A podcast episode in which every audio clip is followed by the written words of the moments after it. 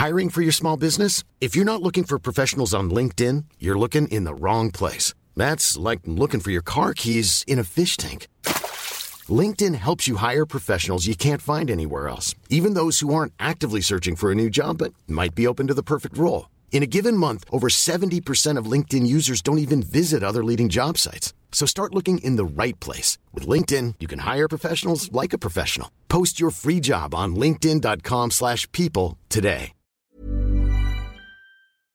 Nå er det like før jul, og Kari, vi står utenfor Nasjonalmuseet, som jeg har kommet oss ned til ved Aker Brygge.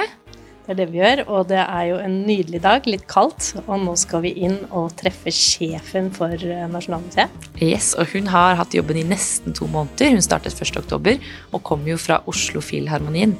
Så det blir veldig morsomt å høre hennes reise inn i Nordens største kunstmuseum. Ikke sant? Skal vi gå inn og hilse på Ingrid Røynestad? Yes, la oss gjøre det.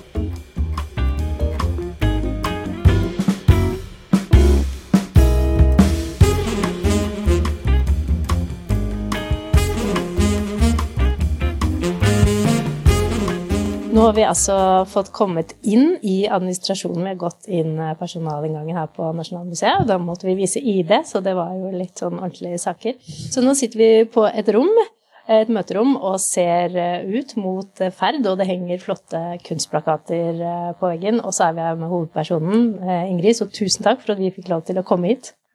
Bare hyggelig. Velkommen hit. Tusen takk. Dette har vi gledet oss til. Eh, og du er en travel dame, som vi har forstått, så vi er veldig glad for at vi har fått lov til å få litt tid her på museet. Eh, du har jo vært her nå i nesten to måneder. Mm. Ganske fersk sjef. Hvordan har det vært, starten?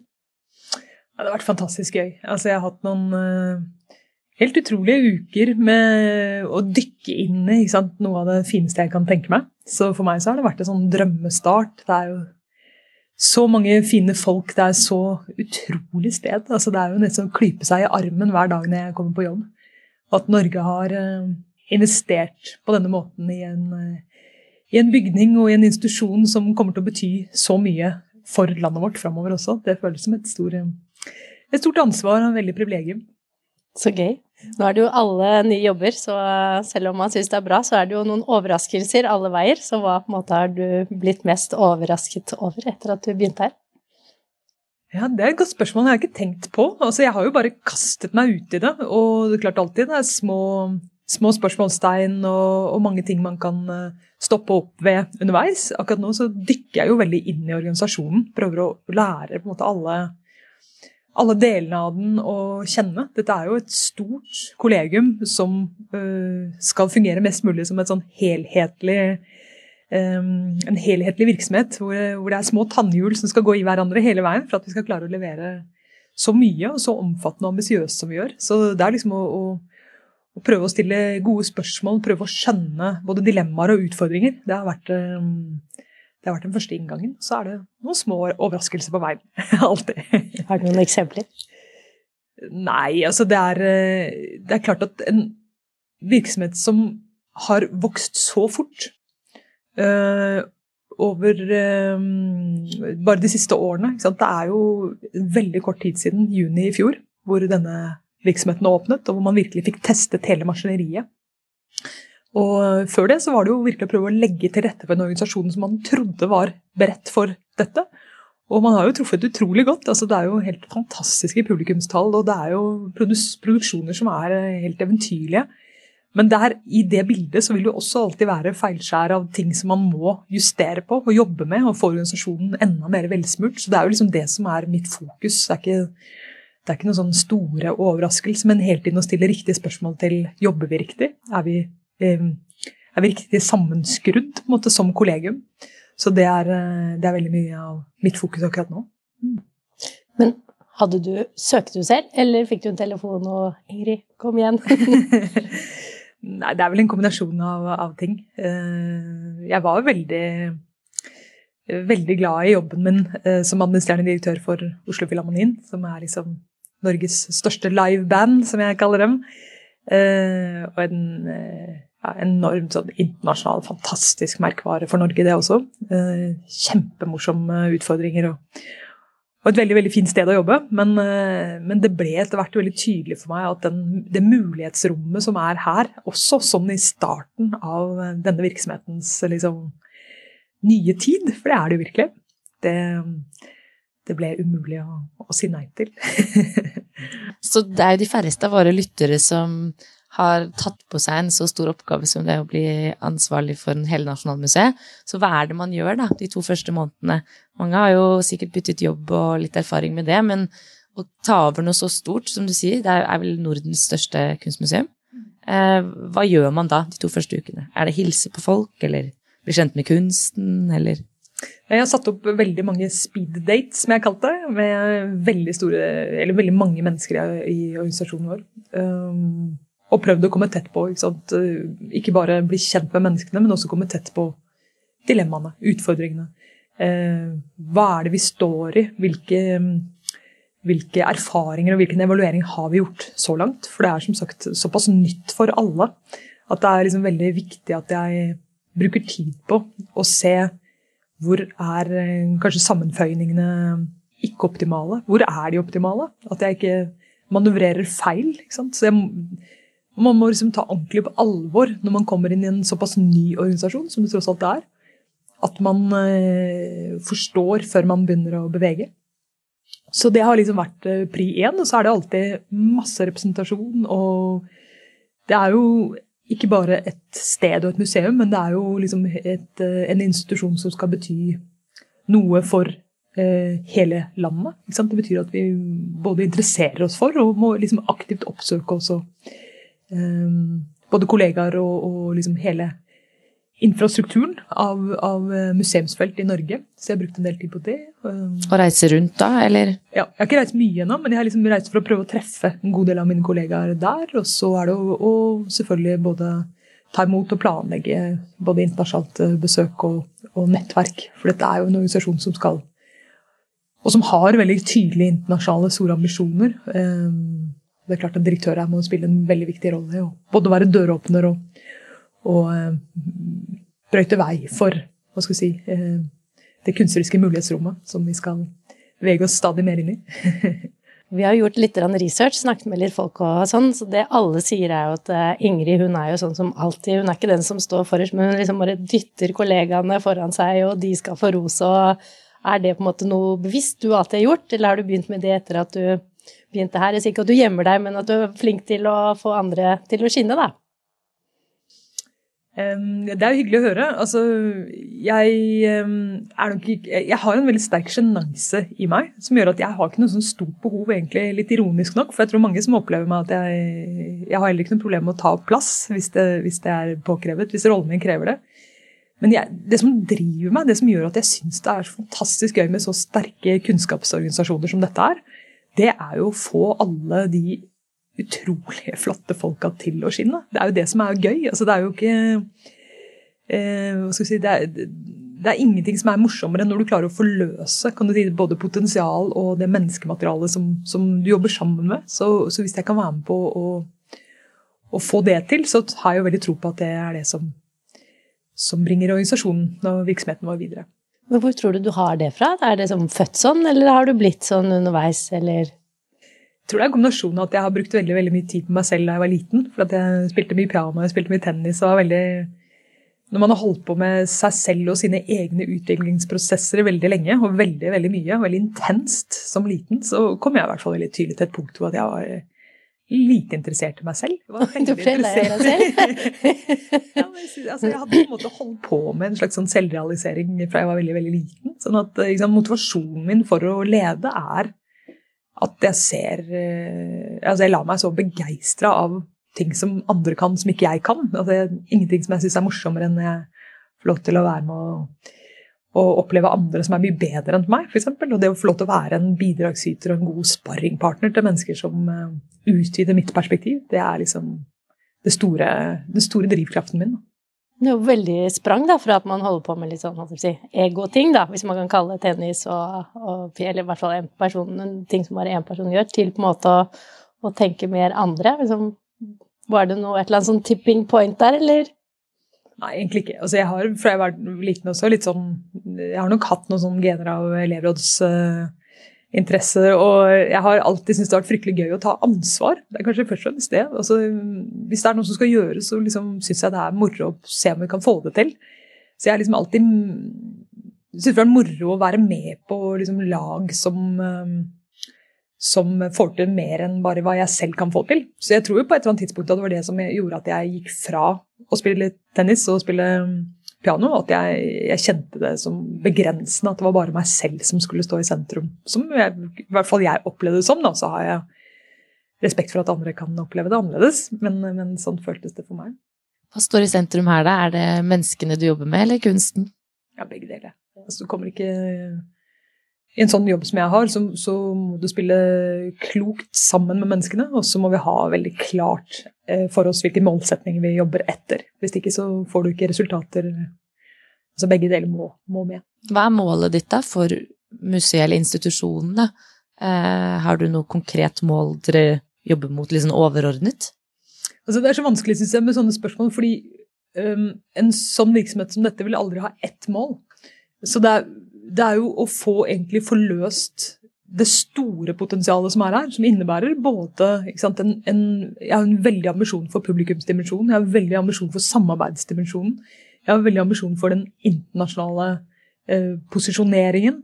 Um, og også liksom hele det kreative potensialet rundt, um, rundt formidling og, å nå ut og nå ulike målgrupper. Og at kunst skal bety noe for langt flere enn de som bare har, eh, er vokst opp med det. Det er mange som er heldige å ha det med, med seg hjemmefra, men det er sannelig mange som ikke har det også. Og det å liksom finne den riktige balansen i alle det, det mandatet, det oppdraget, det er jo det som um, i sum blir en målsetting. For hvordan skal museet klare å treffe folk flest, da? Ja, så treffer jo fryktelig mange. Det er jo helt beviselig. Men vi har 1,9 millioner besøkende siden åpningen i juni i fjor. Så sier det jo noe om at vi har truffet veldig mange mennesker som også antageligvis ikke var så naturlig besøkende i, i, det forrige bygget vårt og de forrige regimet. Um, men det er ingen tvil om at uh, det er fortsatt mange vi ikke har truffet. Og det er der vi heldigvis har en muskel. Liksom. Vi heldigvis har kompetanse og folk her som hele tiden og hver eneste dag har det som målsetting.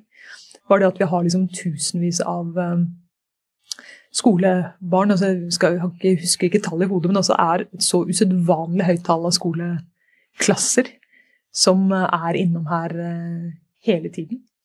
Blir de invitert, eller er det lærerne da, eller skolene som tar kontakt med dere og spør om om, kan få, de kan få komme? Det er litt begge deler. Også det, vi har nok blitt et sted som mange lærere ser at her kan de utøve ulike typer fag, og kanskje sette det i kontekst på en litt annen måte enn de klarer i klasserommet. Og så er det vi som har våre egne motorer og våre egne program og, og, og eh, driver veldig målbevisst med å nå helt andre publikumsgrupper. Men det alle lurer på, er jo sikkert hvor mye kunne du om kunst før du begynte i denne jobben? jeg syns det er veldig vanskelig å skulle måle det fra én til ti, men jeg kan i hvert fall si at jeg eh, jeg har alltid vært veldig opptatt av billedkunst. Jeg, liksom, jeg er en av de som har gått mye på museum fra jeg var ganske liten. Um, og hva slags kunst var det du så For du vokste opp i Trondheim? Ja. ja. Nei, altså jeg er jo eh, litt sånn alteter. Altså jeg har sett alt fra de store museene, og alltid når jeg er ute og reiser, så går jeg alltid på alle museer jeg kommer over. så, så, det er jo en sånn lidenskap jeg har. Um, jeg har også noen bitte små vekttall i kunsthistorie. Mm, bra. Studiepoeng heter det vel nå. Ja. Men, eh, men, det har jo ikke vært kjerneutdannelsen min. Men um, nei, jeg, jeg, må innrømme at jeg, jeg kjenner meg veldig glad for å kunne liksom dykke enda mer ned i en person som jeg har hatt lenge. Så. Er det noen sånne perioder eller kunstnere du på en måte privat eh, på en måte liker bedre enn andre? Nei, jeg tror faktisk jeg vil si det at jeg er ganske altetende. Og jeg vil også si at jeg er veldig opptatt av arkitektur også. Det har vært, ja, sånn, Familien min er sånn som vi kan reise å, til Vicenza i Italia for å se, studere Palladio, skjønner du? Der, som er en av de, de liksom virkelig klassiske arkitektene. Eh, bare for, lenge før jeg fikk den jobben, bare for jeg er genuint interessert. Da. Eh, og vi kan måtte dra og se på helt uh, nye kvartaler av um, ny arkitektur for å se hva er, det som, hva er det som utspiller seg, hvordan fungerer dette i byrommet. Jeg er veldig opptatt av byutvikling, har alltid vært der. Så sant, igjen, det er noe med spennet i denne stillingen som for meg ble uimotståelig, må jeg innrømme. Det er så mye å Og nå har dere akkurat åpnet en arkitekturutstilling. vi. Ja. Hånd og maskin, Ja. som åpnet eh, i midten av november.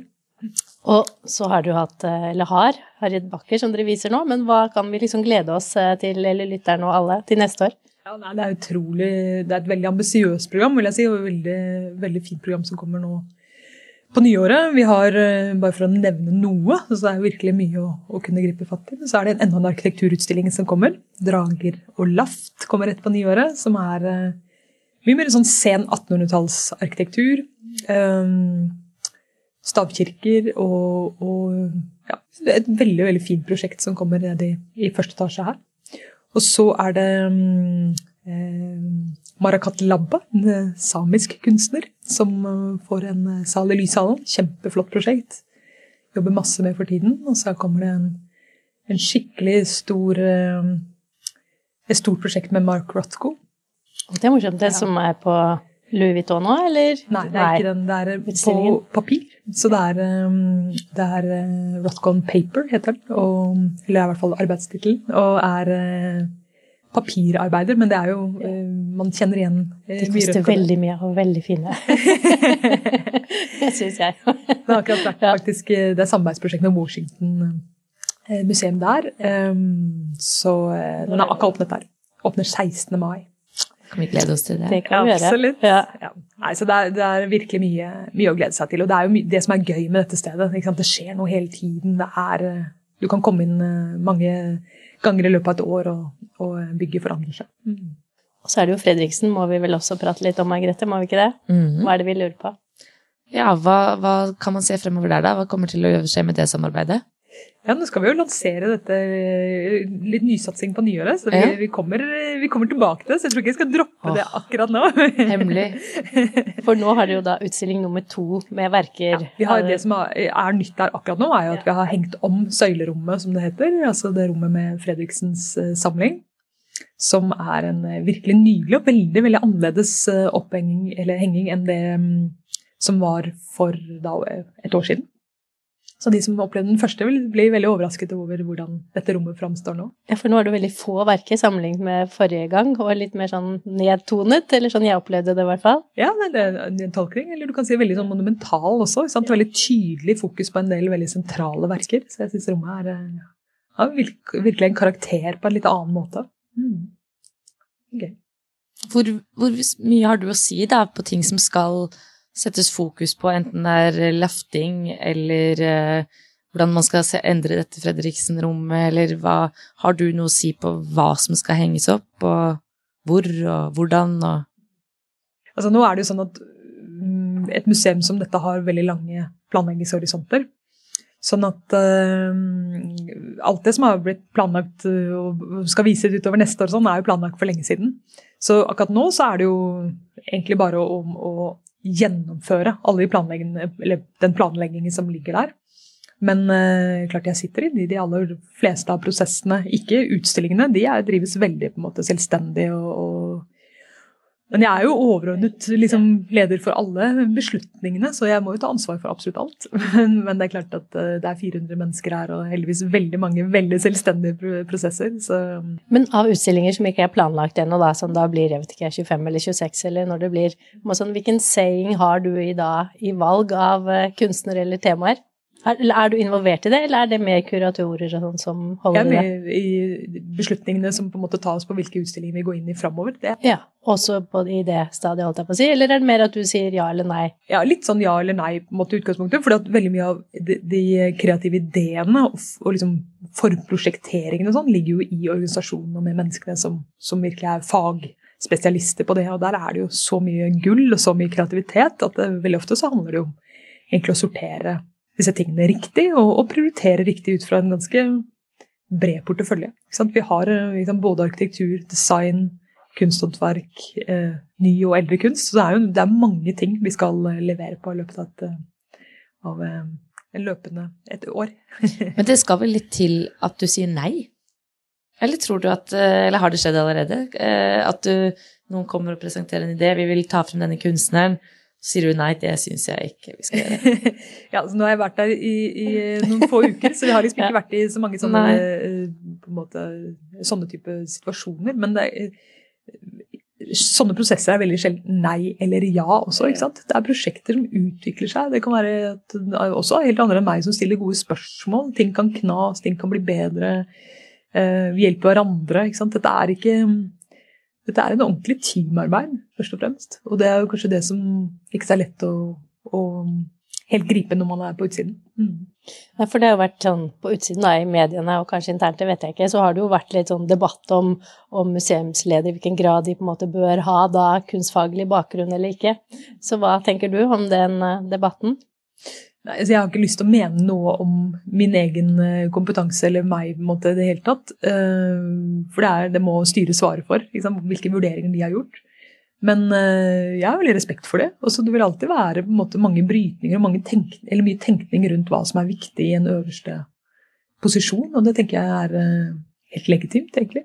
Så ja, utover det har jeg ikke så mye å si. Hiring for your small business? If you're not looking for professionals on LinkedIn, you're looking in the wrong place. That's like looking for your car keys in a fish tank.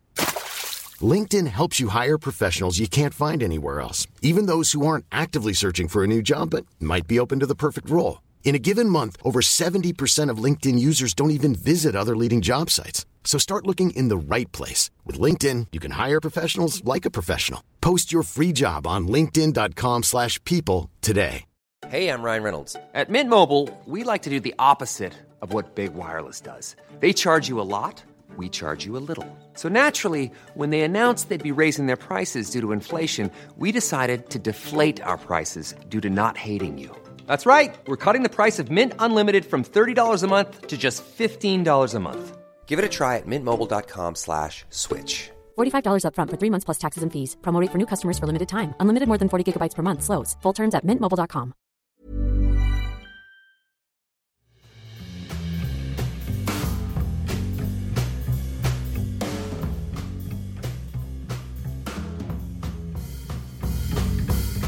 Men hva er en typisk dag, da? Vi har jo snakket litt om hva du har gjort disse månedene. Eh, sånn som i dag, nå er jo vi her og spiller en podkast. Eh, hva gjør du en typisk dag på jobben? Ja, i dag, skal, altså, i dag for eksempel, tenker du? For eksempel. ja, I dag har jeg en del eh, En masse oppfølgingsmøter med Eller ikke oppfølgingsmøter, men litt sånn statusmøter med, med en god del av lederne mine. Vi går tett på problemstillingene. Hva er det vi står i nå? Hvilke utfordringer? Er det noe vi burde snakke sammen om? Ting vi må koordineres? Og så har vi et eh, ledermøte og litt sånn porteføljestyremøte, som det heter, som tar for seg også liksom, utviklingen av de store prosjektene som kommer framover. Hvem er det som er spesielt krevende? Hvor må vi ha uh, ekstra oppmerksomhet? Um, og eventuelle beslutninger som må tas rundt det. Så er det plutselig er det julegrantenning i dag. Oh ja, det er hyggelig. Hvor skal juletreet stå? Det er rett utenfor. På Piazzinaen oh ja. rett utenfor. Og så har vi Har dere pyntetre da, eller er det bare lys? Jeg tror det er bare lys. Jeg har ikke sett det ennå. Så det må vi gå og titte på. Ja, absolutt. Så det, så det skal jeg der skal jeg holde en liten tale, og så er det en eh, Jeg holder foredrag i kveld. Så det er liksom en typisk, typisk dag. Skriver du taler og foredrag selv, eller får du hjelp? Nei, langt fra alt. Her er det såpass mye og hyppige taler at det er eh, Og også en del veldig sånn fagspesifikke ting. Så det er jo vidunderlig å ha en sånn organisasjon som er så faglig kompetente, for da kan det jo hjelpe veldig med. Men du må jo, må jo, holde talen, da. Absolutt. Så står du på bad og trener, eller hvordan gjør du det? Akkurat taler har jeg holdt såpass mye i mitt liv, så, ja, så det er det er, ikke sånn, det er ikke sånn kjempestor problemstilling. Mm. Men hva er en typisk utfordring for et museum som Nasjonalmuseet, da? Det var jo, da det ble bygget, så var det jo sikkert mye ting rundt det som, som var utfordrende. Men nå, nå er jo museet her, dere har allerede begynt å få mye besøkende. Eh, hva er en typisk utfordring? Er det å klare å få de utstillingene man vil ha fra andre steder, eller? Ja, så Det er mange ting. Det ene er jo at eh, som sagt, vi er såpass um, ny som organisasjon og som maskineri i dette huset. Så det å finne den riktige balansen av um, uh, hvor mange prosjekter kan vi ha parallelt, hvordan kan vi bruke folka våre riktig, hvordan får vi prosess, arbeidsprosessene våre uh, mest mulig effektive, sånn at vi får liksom mest mulig ut av de menneskene som jobber her. Det er ikke noe sånn vips, så er det på plass. Det er ting som må jobbes med hele tiden. Så den, den type hvordan gjør man det? Har du noen litt mer sånn eksempler? Det, alle Nei, vil være mer med, effektive. Ja, ja, det, ja det, Nei, altså det, det, er jo dette jeg sitter med akkurat nå. Ikke sant? Og prøver, virkelig prøve å forstå hvordan kan vi hele tiden sørge for at vi vi jobber bedre og bedre sammen. Det er liksom den, den, egentlig akkurat nå den aller um, viktigste utfordringen, fordi vi er såpass nye i, i å jobbe i dette huset og med et såpass uh, ambisiøst uh, utstillingsprogram da, som vi har. Men har du klart å lande på noe der? Liksom? Mer, flere møter, færre møter? Eh, måle hvor lang tid man bruker på ting? Eller, altså, det er jo ulike strategier man kan Ja, men det er veldig mye med hvordan man jobber sammen, som er liksom, tror jeg, stikkordet i veldig mange sammenhenger. Så nei, det, det holder på å knarre på det. Og så er det, så er det selvfølgelig å hele tiden hva skal vi si, finne frekvenser, finne en utstillingsstrategi som er så optimal at vi liksom får utnytte potensialet i huset. Men også liksom internasjonale samarbeid og, og den internasjonale ambisjonen på riktigst mulig måte. Da. Og hva legger litt, hva legger du da i internasjonalt samarbeid og, og ambisjon? Er det ut, altså låne kunst fra andre museer, eller hva, hva, mer ligger i det? på en måte? Altså det er jo det som er fantastisk med dette bygget. Vi har fått en sikkerhetssituasjon her som gjør at vi kan låne inn veldig mye mer. Vi har fått en utstillingsareal som er så fantastisk at det er mange som har lyst til å samarbeide med oss. Så det er jo liksom det store mulighetsrommet som ikke var like lett å, å gripe med, i de gamle bygningene. Eh, eller hvis vi hadde vært, fortsatt å være der. Så, så liksom Rothko-utstillingen er jo et åpenbart eksempel. Samarbeid med Washington. Vi har også Harriet Backer, eh, utstilling som vi åpnet nå i, i, høst, som er samarbeid med Musée d'Osset i Paris, med Stockholm, Nasjonalmuseum, med Kode i Bergen. Det å få til samarbeid gjør jo veldig ofte at man får til mer. og Det betyr at du må være veldig på. Eh, også den internasjonale ambisjonen å finne de riktige samarbeidspartnerne. Sånne typer prosjekter har vi jo masse av framover. Har det liksom møter og middager, eller hvordan eh, foregår det da? Ja, heldigvis er det jo mange her som liksom både er eh, faglig veldig eh, Si, har tette bånd til mange andre kollegainstitusjoner, så det er jo langt fra bare meg som gjør disse tingene. Men det er jo sånn man må jobbe. Hele tiden skape relasjoner, skape tillit, skape samarbeid som er um, interessante og, og, gode for museet. Så um, ja, nei, det jobbes, jobbes mye intenst på mange flater for å få til det. Og jobber dere også litt mer sånn med altså Fredriksen er jo et stort samarbeid, men jobber dere også mer med å få inn eh, sponsorer eh, fra det private? Eller samarbeid, eller hva man kaller det? Ja, absolutt. Også, dette er jo et kjempeviktig felt for oss, og helt sånn utvilsomt en del av vårt oppdrag også. Å både få til private samarbeid og få økt egeninntjeningen og få Si, få, jeg er opptatt av det ikke bare i, i, form av penger også, men i form av å bygge relasjoner til det samfunnet man jobber i. Altså, dette er jo en helt naturlig måte for de fleste museer i verden å jobbe veldig tett med privat næringsliv, med private enkeltpersoner og, og um, folk som har dypt kunstinteresse. Så det er klart at det, det, arbeidet det må vi ha stor oppmerksomhet på, og det er jo som sagt også et oppdrag vi har. Vi er nødt til å og hva ligger på en måte mer En ting måte, hvis noen har en samling, så skjønner jeg at det er veldig attraktivt, eller penger, men måte, hva er andre eksempler på samarbeid med det private da?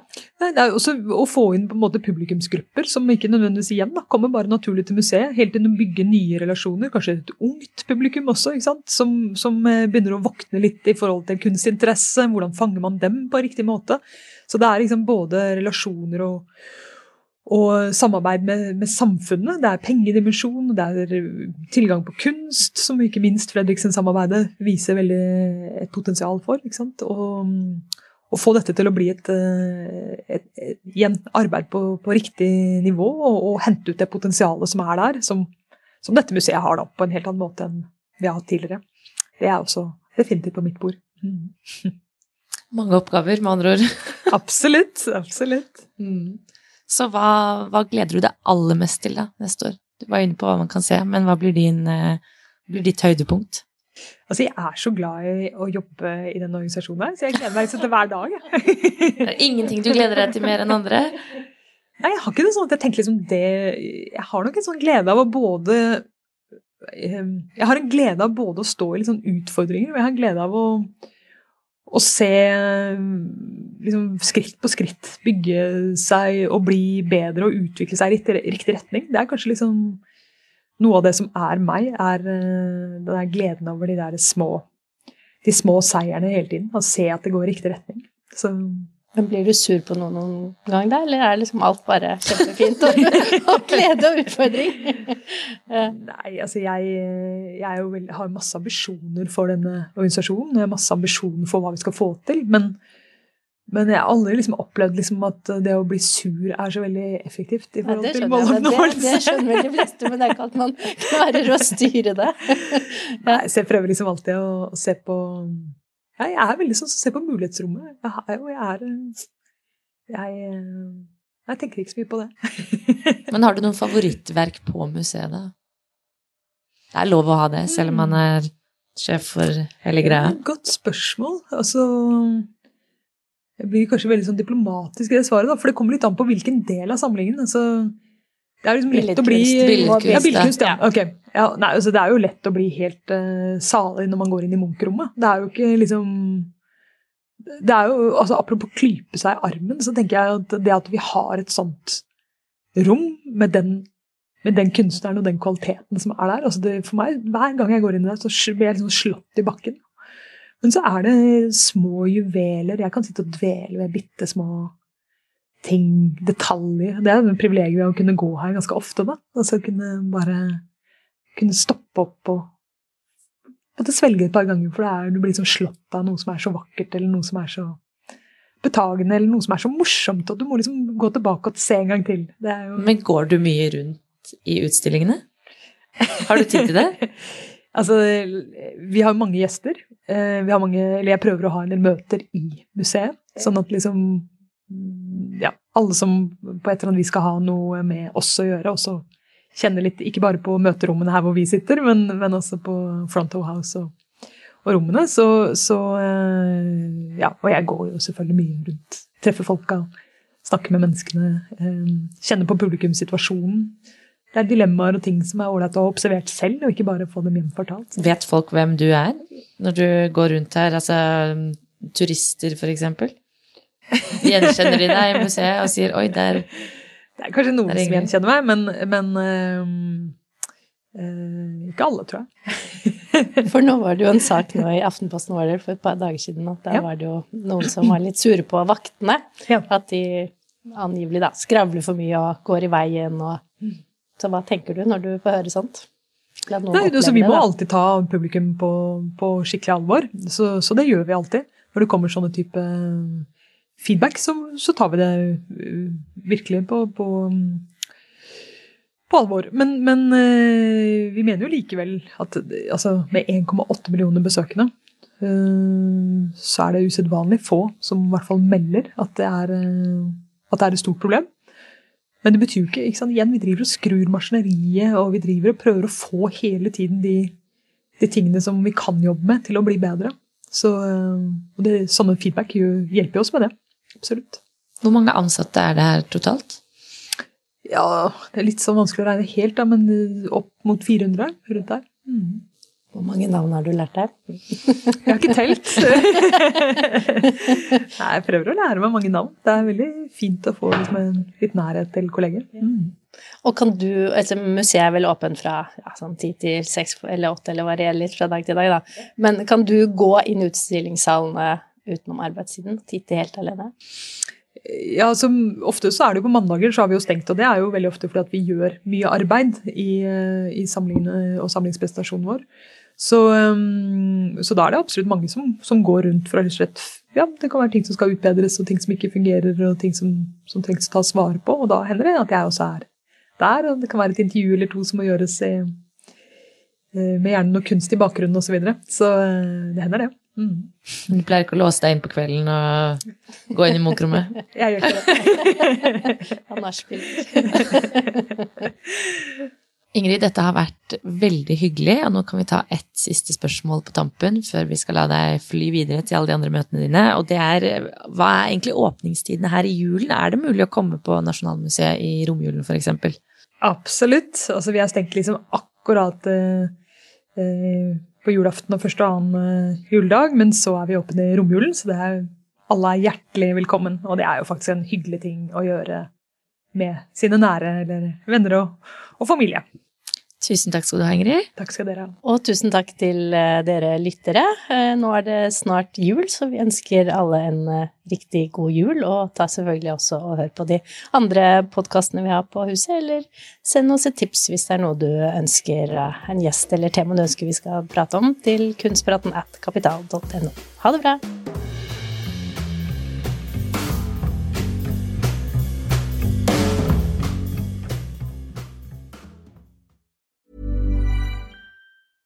Mom deserves the best, and there's no better place to shop for Mother's Day than Whole Foods Market. They're your destination for unbeatable savings, from premium gifts to show-stopping flowers and irresistible desserts. Start by saving 33% with Prime on all body care and candles. Then get a 15-stem bunch of tulips for just $9.99 each with Prime. Round out Mom's menu with festive rosé, irresistible berry chantilly cake, and more special treats. Come celebrate Mother's Day at Whole Foods Market. Kunstpraten er en podkast fra Finansavisen. Programledere er Margrethe Hegnar og Kari Nestås. Produsent er Lars Brenden Skram. Og ansvarlig redaktør er Trygve Hegnar.